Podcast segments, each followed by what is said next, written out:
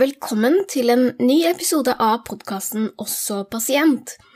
Podkasten hvor jeg, Kine Albrigtsen, snakker om hvordan det er å ha en usynlig sykdom. Sammen med folk, eller bare meg. Men alltid med mine faste maskoter, Aki og Uni. Denne uka skal vi snakke om endometriose. eh, En kvinnehelsesykdom på samme måte som PNDD. Det er også en episode jeg anbefaler å sjekke ut. Ukas gjest er eh, Tone, og i denne episoden så er det veldig mye hundegreier fra min side. Eh, Sånn er det når man har eh, valp. Noen ganger så bråker de mye og er liksom i veien i møter, på jobb og også i podkastinnspilling. Så beklager litt sånn krafsing og eh, lekeknurring og sånn, men sånn, så, sånn er livet. Um, ja, litt kortere episode, så bare kjør på. Da er vi klare for en ny episode av podkasten Også pasient. Og ukas eh, tema er endometriose, og gjesten jeg har med meg, er eh, Tone. Velkommen. Takk for det. Har du først lyst til å si litt om deg selv? Hvem er du, hvor er du? Jeg er 30 år, blir 31 i år. Jeg er bosatt i Harstad, langt oppe i nord. Mm, ja, jeg jobber på brudesalong. Eh, På fritida så spiller jeg dart, og så jobber jeg frivillig på en studentbar. Og er med i Røde Kors hjelpekorps. Mange baller i lufta. Ja. Men temaet er jo endometriose, og hva er egentlig det? Eh, Det er livmorsvev som ligger utafor livmora. Eh, Det kan ligge på tarm, på andre indre organer. Eh, Som da når du får menstruasjon, så vil du jo få ekstremt store smerter. Og vet du liksom hva livmorsvev er? Nei, ikke, altså, det, er- sånn som jeg har skjønt det, så er det det vevet som på en måte er inni livmora di, som på en måte bare har spredd seg til plasser der det ikke skal være. Men jeg er usikker på hvordan det kommer seg dit. Ja, fordi det er jo det som er problemet. Da virker det som at det her vevet havner på steder som det ikke skal være, som du sier, og når noen egentlig skal være inni livmora begynner å bli utafor, så begynner det å gjøre vondt. Mm. Når fikk du eh, påvist endometriose? Det var i januar 2018. Ja. Jeg måtte bare tenke litt. For jeg ble syk på høsten i 2017. Ja, og hva, hva skjedde da? Fordi da var du ganske eh, voksen, da, eller det var i hvert fall noen år etter Ja. at du hadde fått mensen, vil jeg tro. Ja da, det var jo det. Um, nei, jeg hadde vært hjemme i Vesterålen og feira bursdag. Og på bussen da hjem til Harstad så fikk jeg sånn intense smerter. Nesten sånn Det føltes ut som jeg var i fødsel, liksom. Og så tenkte jeg OK, her er det noe som ikke stemmer, så jeg ringte liksom rett til legekontoret. De sa du kommer rett opp hit når du kommer til byen. Jeg klarte nesten ikke å gå ut av bussen for å gå på neste buss. Jeg kom dit. et. Jeg fant jo ikke ut noe hos fastlegen. Jeg ble henvist da til sykehuset. Og så var det undersøkelser der, her i Harstad. Der de sjekka nyrene mine, for de trodde det kunne være noe med nyrene. Det viste seg også det at jeg har ei bekkennyre. Ja, hva er det? Det trenger en forklaring. Det lurte jeg også på når hun ultralydlegen sa at jeg må få inn en overlege, for at jeg finner ikke nyra di på høyresida. Eh, OK.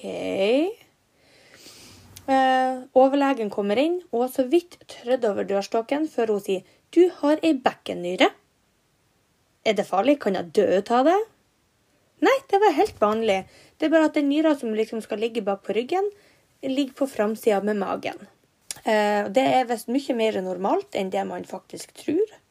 Folk er født med både tre og fire nyrer. Og bekkennyre. Ja, jeg går ikke rundt og er så veldig bevisst på hvor nyra mi er, men det er jo tydelig at den plutselig kan være helt andre steder. Og det var bare sånn tilfeldig at du fant ut av i forbindelse med de her undersøkelsene, da, for å finne ut av hva som gjorde at du hadde så vondt. Eh, nei, hun, jeg lurte på hvordan visste den overlegen det uten at hun har undersøkt meg. Så hun hadde vært og kikka på en gammel MR av ryggen. Og da så hun det at nyra mi lå på feil plass. Eller på en annen plass. Eh, så de tenkte at det kan ha en sammenheng med at den nyra er på en annen plass. Så da sendte de meg videre opp til Tromsø. Jeg var på sånn nukleær undersøkelse der. Fikk inn injisert væsker, og så sjekka de om eh, om eh, det var passasje, om det var trangt, eller om det var helt åpent, og om det var ei vandrenyre. For det er visst òg en ting. Så at den kan flytte på seg hvis, i forhold til hvis du ligger og når du sitter. Så kan den liksom skli litt imellom. Eh, det var bitte litt trangt og bitte litt flytting, men det var nok ikke det som gjorde at jeg hadde så vondt. Og videre da på sykehuset her i Harstad fant da ut at eh, vi skulle sette opp operasjon over nyåret. Men han måtte ta en, en gynekologisk undersøkelse. Det var nå greit. Det var liksom ikke noe problem. Men han fant ikke noe på den heller. Eh, så han Gikk det vel ei uke eller noe sånt, uka halvannen, før at eh, jeg begynte å tenke på OK, men når er det jeg egentlig har mest vondt? Og det var uka før mensen, under mensen og uka etter mensen. Så det var liksom de fem, syv, fem dagene imellom slutt og eggløsning som var verst, nei, som jeg klarte å fungere som et høvelig normalt menneske. Så da når legen ringte og sa du, jeg tror jeg vet hva som feiler deg, så jeg ja, det tror jeg òg. Skal vi si det i lag? Ja, sier han. Og så sa vi begge to endometriose. Og så ble han litt sånn Hvordan har du kommet fram til det? Nei, jeg har gjort litt research.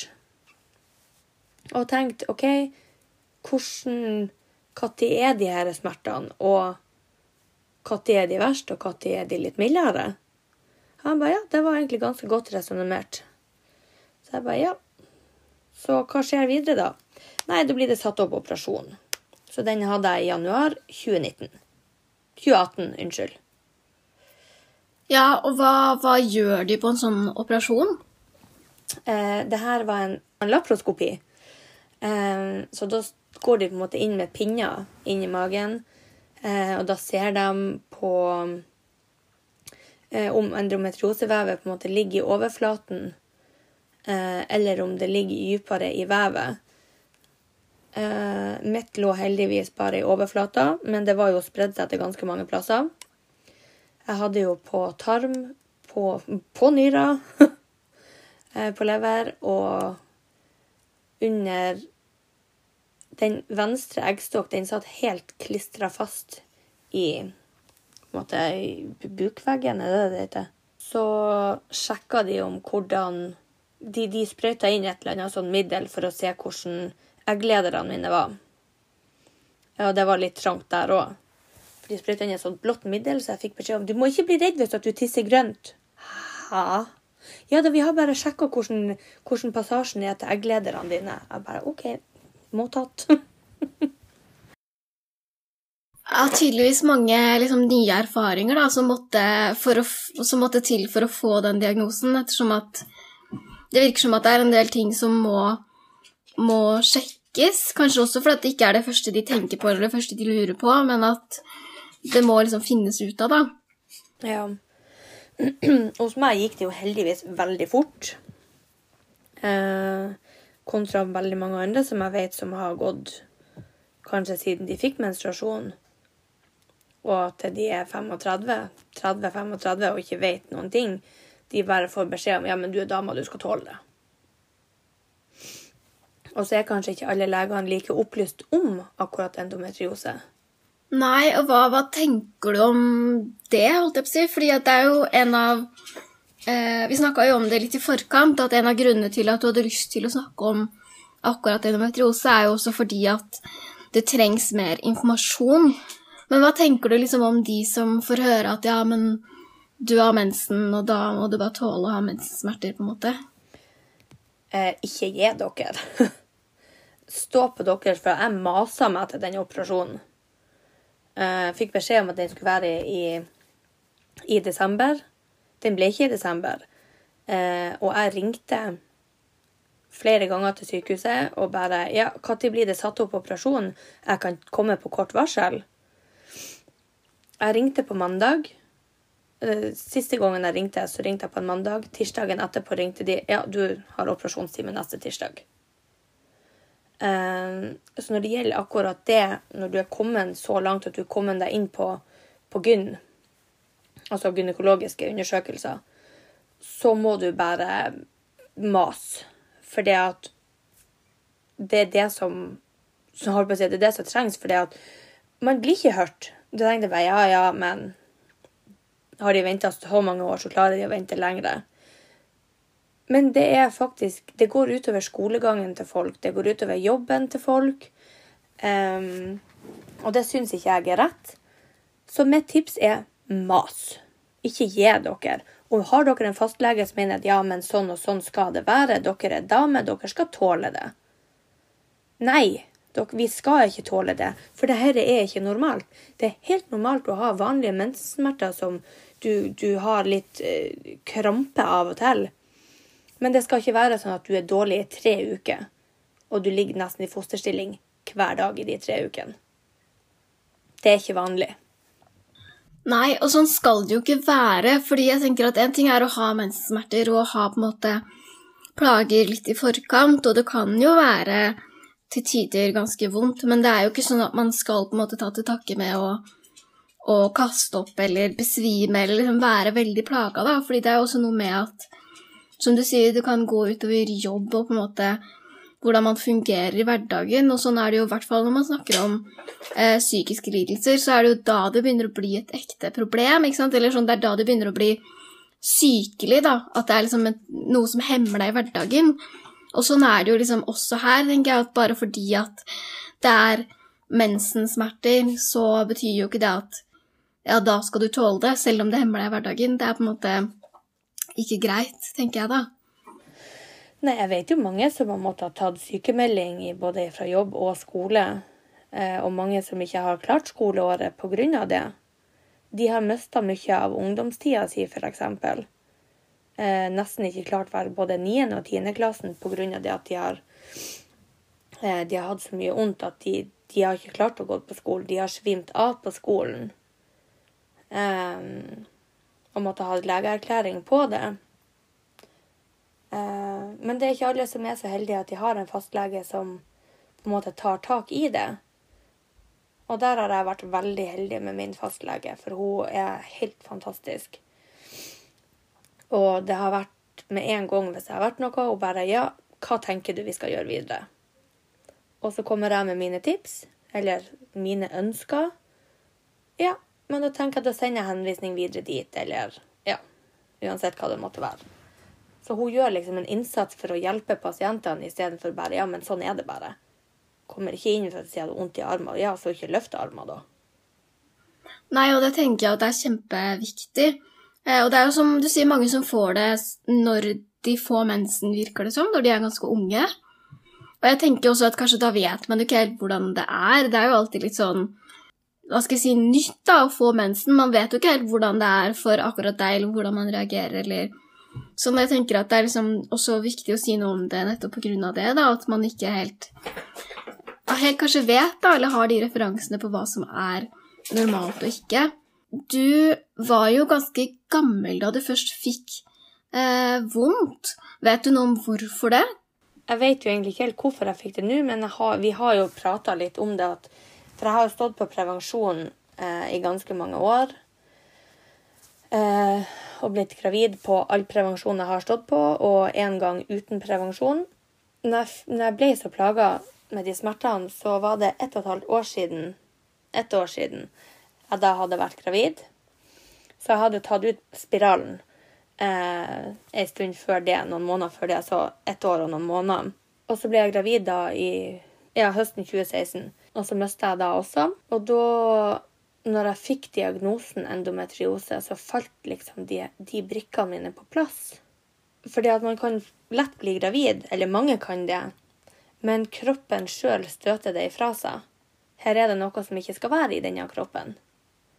Så vi har konkludert med at siden jeg har gått på prevensjon, egentlig siden jeg fikk mensen, så har det gjort til at endometriosen på en måte har ligget i dvale. Så da når jeg slutta på prevensjon, så blussa det opp igjen. Derav ble jeg plaga. Men hvorfor det kom så akutt, det vet vi ikke. Eh, så etter operasjonen så hadde hun legen skrevet um, ut eh, resept på p-piller, så jeg har gått på p-piller da siden i, i januar i 18. Og det har gått veldig greit for min del.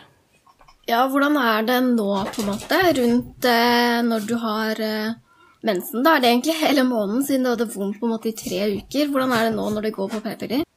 Altså, jeg kan sprenge på fjellet, liksom. Jeg har jo ikke menstruasjon. Eh, for de p-pillene som jeg har, stopper mensen. Og det har hjulpet meg så utrolig mye. Jeg klarer, jeg klarer, å gå på jobb. Jeg klarer å være med i hjelpekorpset. Jeg klarer å jobbe på en studentbar. Eh, og jeg klarer å, å, gå på tur i fjellet, liksom. Eh, så det Jeg merker jo ikke så mye til det. Av og til så får jeg sånn der eh, krampetak, og så kan det liksom gå over. Og så har jeg av og til sånn småblødninger. Det blir liksom Det blør ikke ordentlig, det er bare helt lys rosa. Eh, så jeg har liksom ikke hatt bruk for verken bind eller tamponger eller noen ting som helst på de årene. Det hørtes eh, behagelig ut. ja, sant. Men hva gjør de egentlig i den operasjonen? Fordi noe av formålet er vel å sjekke hva som er der inne, på en måte, og sjekke ståa. Men går det an å fjerne noe av det vevet? Og gjør det i så fall mindre vondt? Ja, hvis, sånn som med meg, så lå det jo helt i overflata. Eh, og da blir det som regel behandla med prevensjon. Eh, men hvis at det sitter dypere i vevet, for du har liksom Du har jo på en måte flere lag i vevet, da. Så det er jo alltid etter hvor dypt det sitter. Eh, men sånn som her oppe i nord, så, eh, så har de ingen leger som er si, kvalifisert nok, eller har nok erfaring eh, til å kan fjerne sånn, så hadde det sittet mye dypere hos meg. Så hadde det blitt sendt sørover. Jeg er usikker på hvordan sykehus det er. Men der har de i hvert fall en lege som har spesialisert seg innenfor endometriose. Som er fryktelig god på det. Eh, jeg har Jeg har hørt eh, om Jeg har hørt om endometriose før, men eh, jeg har på en måte litt mer kjennskap til eh, PCOS. Men har syster noe å gjøre med endometriose? Eh, nei. Eh, jeg har ikke Jo, jeg har hatt et par syster som har sprukket, og det er altså ikke noe å gi etter, for å si det sånn. Det er noe av det verste jeg har vært med på. Jeg, jeg føder heller, og det er det samme med endometriosesmertene, jeg føder heller ti barn enn å ha mensen igjen. På rad. Så vondt er det, liksom. Eh, og jeg har født et barn, og det var liksom helt greit. I hvert fall for min del. Eh, det gikk ganske fort. Eh, kom inn på sykehuset med én sanktåpning, og tre timer etterpå var han født. Så det gikk jo kjempefort, og det var kjempevondt. Men det var liksom glemt rett etterpå. Det blir ikke sånn med endometriosen. Da går du liksom konstant med de smertene i tre uker. Og noen går kanskje lengre. De går kanskje en hel hver måned. Hver eneste dag hele året med sånne typer smerter. Uten å egentlig vite hva er det egentlig. Og bare få beskjed om at ta smertestillende, det går over. Um, men uh, de cystene som jeg har hatt, de har bare, det er bare vannsyster. Uh, så at man får vondt, da reagerer man bare Kroppen reagerer på den væska som er i, inni den cysten. Mens at sånn som jeg skjønte med PCOS, så er det mer kompakte cyster. Så jeg tror ikke det har noe sånn med det å gjøre at jeg har endometriose. Nei. Men hvordan smerter er det? på en måte? Ligner det på mensensmerter? Kan det liksom sammenlignes med noe annet? på en måte? Nå så du betenkt ut. Ja, altså For de som hører på denne podkasten og har født barn vaginalt eh, Og kanskje syns at fødselen var helt grei, det var ikke så vondt Dere kan gange den smerten med ti. Og for de som er litt yngre, som ikke har født barn, eh, så vet jeg liksom ikke helt hvordan jeg egentlig skal beskrive det. At jeg vet ikke hva jeg kan sammenligne det med, annet enn hvis at du har spist noe som du kanskje ikke tåler, eller spist veldig mye, og får skikkelig krampe i magen. Fordi at det kjennes ut som alt vrenger seg på innsida. Eh, så hvis man får, har sånne intense luftsmerter, så kan man liksom gange det med ti. Ja, og bare det kan jo være kjempevondt. Er det vondt på andre måter enn på en måte rundt eh, mensen? Er det på en måte vondt ved sex? Er det andre ting som er eh, vondt når man har endometriose? Uh, det var jo også en av tingene som jeg la egentlig merke til aller først da jeg hadde kjæreste før sommeren det var vondt under samleie. Eh, så jeg snakka med fastlegen om det først, og sa at ja, vi skulle, vi skulle ta det liksom etter fellesferien, da. Fordi at ferieavvikling på sykehuset og alt det der, vi gidda ikke å starte den prosessen før da. Eh, og så ble det jo slutt mellom meg og han, da, og så ble det liksom ikke gjort noe mer med det. Og så kom da med de smertene, da. Ja, har det, har det også gått over ved bruk av p-piller? Nå har jeg jo ikke hatt så mange partnere etter det, da. Men eh, det har i hvert fall ikke vært ondt. Så tenker jeg også at det er jo noe med det å finne ut av hva det er, da. Som du sier, at det er jo faktisk hjelp å få, og det er faktisk mulig å finne et svar som jeg tenker at det er litt sånn Ja, det er jo i hvert fall veldig bra, fordi at det hadde jo vært så mye verre hvis det ikke var noe svar å få. Og da tenker jeg at det kan jo kanskje være en liten sånn motivasjon til å prøve å finne ut av hva det er, da. Men ha, hvordan, har du liksom snakka med folk om at du har endometriose? Hvordan har du blitt møtt med det? Jeg har vært veldig åpen og ærlig om det, fordi at jeg syns at det er for lite belyst. Alle er sånn Ja, men det, de syns det er kjempebra at jeg er så åpen om det. og de stiller meg spørsmål, og jeg svarer så godt jeg kan. Men med en gang jeg ser unge jenter på de her jentesidene, damesidene som jeg er på, så skriver det at de er så plaga med mensensmerter, det at de nesten svimer av. Og jeg bare Kom deg til fastlegen og bli undersøkt for endometriose. Ja, men hva er det? Og så forteller jeg hva det er. Og det er mange som har vært sånn bare Å, herregud, er det det jeg har? Er det derfor jeg har vært plaga i så mange år? Og det er liksom De har vært hos legen og fått beskjed om at ja, men ta smertestillende. Og så er det akkurat likeens uansett om du tar smertestillende eller ikke. Så det er jo mange som har takka meg for at, for at jeg har vært så åpen, og det er flere som også har funnet ut at de har den diagnosen. Ja, for har folk på en måte visst hva, hva det er for noe? Ikke alle. Det er, det er litt mer voksne folk som, som, har hørt om det. De har hørt ordet, men de vet ikke egentlig hva det er for noe. Mens at de yngre er litt sånn De er mer på en måte lærelysten og vil vite mer. Det er jo aller mest eh, jenter og kvinner som hører på podkasten. Enn så lenge, i hvert fall. Um, hva tenker du liksom at du har lyst til å si til dem, hvis det er noen som kjenner seg igjen, eller som kanskje kjenner noen andre som har det kjempevanskelig med, med menssmerter? Altså, pri én er jo faktisk fastlegen. Kom deg til fastlegen, og ikke, ikke gi deg, som jeg sa tidligere. Også stå på ditt, for det hjelper faktisk å mase. Eh, da, får du liksom gjort noe. Eh, kontra det at OK, legen, ja, men legen sa det. Ja, men du må ikke gi deg. For det er ikke alltid at legene faktisk har rett. og det er ikke alle legene som er like eh, like kjent med de forskjellige diagnosene også.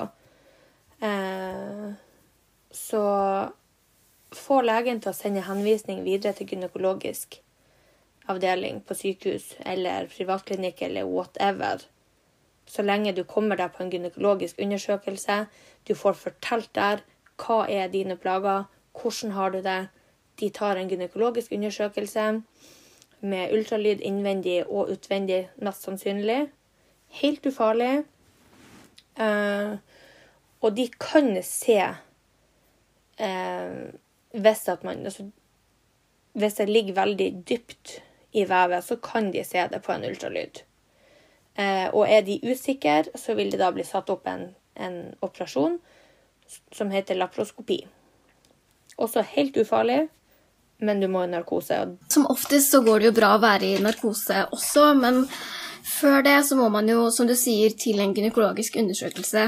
Og eh, kan vi snakke litt om det? Fordi jeg var en av de som syns det var eh, Det var jo ikke fælt, men det var eh, liksom ganske irriterende når jeg fikk det der brevet i posten hvor det står sånn Nå er du over 23 eller 25 eller hva det må være, så nå må du til gynekolog og sjekke og bla, bla, bla. Da var jeg sånn åh, nei, det har jeg ikke lyst til.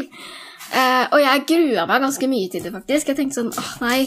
Og så tenkte jeg også liksom men herregud, driver alle folk med det her, bare uten å snakke om det? Fordi at jeg syns at det på en måte var litt stress. Og så vet jeg jo at de som har gjort det veldig mye, blir jo på en måte vant til det. For det er jo som med alle andre situasjoner, det er jo en sånn eh, ja, legesituasjon, på en måte. Det er jo bare noe som må gjøres, og det er sånn det er. Og eh, min erfaring er kjempebra. Det var helt uproblematisk. Og ikke stress og ikke irriterende og ikke eh, vondt, og det gikk veldig fint. Eh, men jeg grua meg i hvert fall eh, litt. Kan du si litt om det?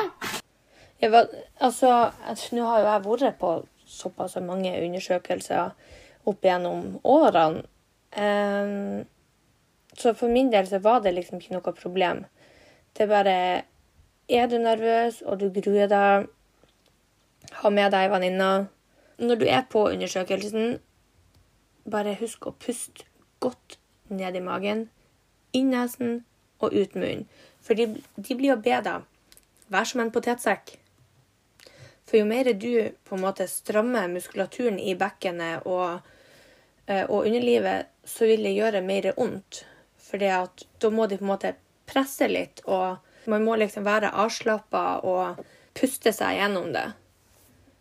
Så går det fint. Og når du først klarer å, slappe ordentlig av, så det tar ikke lange tid, den, den undersøkelsen, liksom. Nei, og så tenker jeg også sånn at de gjør det hele tiden. Veldig mange er eh, vant til det. Særlig de som jobber på gyn. Også det er jo jobben deres hver dag, på en måte. Og også sånn Alle variasjoner er innafor, og det er tross alt mye bedre å finne ut av hva som er problemet, og få hjelp, heller enn å ikke gå fordi at man er redd for de undersøkelsene, da. Nå er jo du eh, født og hele pakka, men for meg som ikke har født, så så har jeg liksom tatt med meg det, da, at det, det er viktigere, tross alt, eh, å få vite, få vite om det er noe galt, og kanskje det er ubehagelig. Og man gjør det jo ikke hver dag, ikke sant? Sånn som jeg som ikke har noen plager med Det er vel der hvert tredje år, er det da jeg skal være der? Ja, jeg tror det. Eh, og det er jo ikke så ofte, så det er jo ikke så rart at det er liksom For det er jo en litt uvant situasjon. Jeg gjør den bare hvert tredje år. Ja. Og så må jeg òg understreke at det er så viktig å sjekke dere. Og der er òg veldig mange som får beskjed ja, men du er for ung. Bare stopp den legen og si at ikke ta det ungkortet på meg. For der er faktisk folk som er yngre enn meg, som har blitt alvorlig syke. Fordi at de også har fått beskjed om at nei, du er for ung. Men det stemmer jo faktisk ikke man kan bli syk uansett alder. Ja, de gynekologiske undersøkelsene er så fryktelig viktig. Både for damer og for mannfolkene.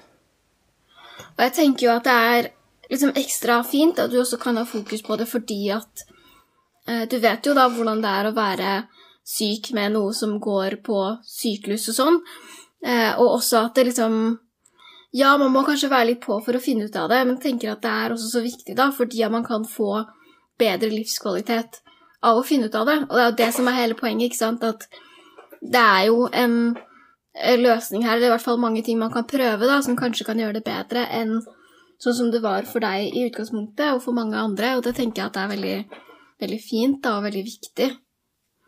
Og også egentlig at det funka så bra. Jeg var litt sånn overraska over at eh, p-piller hadde så god effekt, for det hørtes ut som et veldig mildt middel. Ja, men det er jo de hormonene som, som stopper menstruasjonen, da, i de p-pillene som jeg bruker. Det eneste som jeg merker når jeg vet at sånn Jeg skjønner det at OK, nå skal egentlig du ha hatt mensen.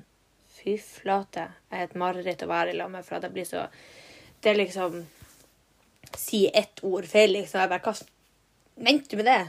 Liksom, jeg går liksom ut med alle klørne, og da skjønner jeg OK, nå er hormonene mine helt på bærtur. OK, du skulle egentlig hatt mensen. Ja, OK, greit. Så jeg bruker jo å be om unnskyldning når jeg blir litt sånn der ute med klørne. Så de bare Det går helt fint, vi er vant med det. Jeg bare Ops. Sorry. Men er det noe du tenker over nå, sånn i hverdagen, at du har en endometriose? Nei. For det er ikke noe som påvirker meg i hverdagen, på en måte. Nei, fordi det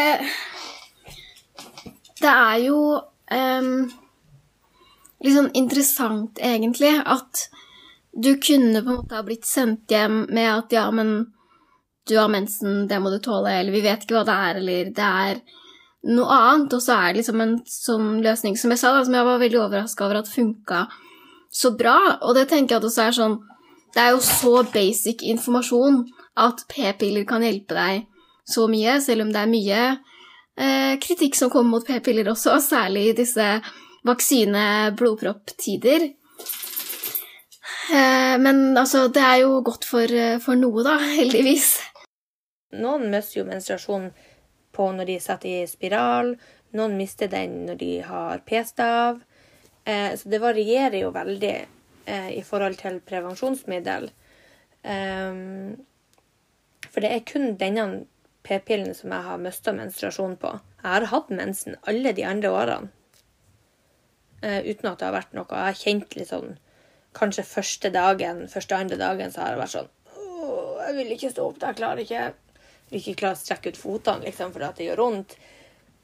Men så tar jeg liksom Paracet, og så går det over. Og sånn som nå har jeg fått noe annet i tillegg til den vanlige Paraceten, som også er betennelsesdempende. Og det er Naproxen i den, for jeg tåler ikke vanlig ren Naproxen, for da spyr jeg. Ja, og det er jo den medisinen som er ganske vanlig å gi mot mensensmerter, sånn jeg har forstått det. Er det noe du tenker eh, til nå at vi burde ha snakka om, som jeg ikke har spurt om? Eller noe ekstra som du tenker at ah, det må jeg, må jeg si? Nei, ikke som jeg kommer på. Jeg føler liksom jeg har sagt ganske mye og kommet med det som jeg sitter inne med, da. Absolutt. Jeg har et, et spørsmål til.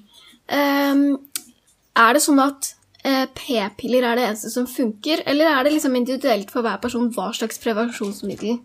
Eh, det tror jeg er veldig individuelt. Um, men jeg har jo prøvd alt det andre. Jeg har hatt spiral, p-plaster, p-pille og p-stav.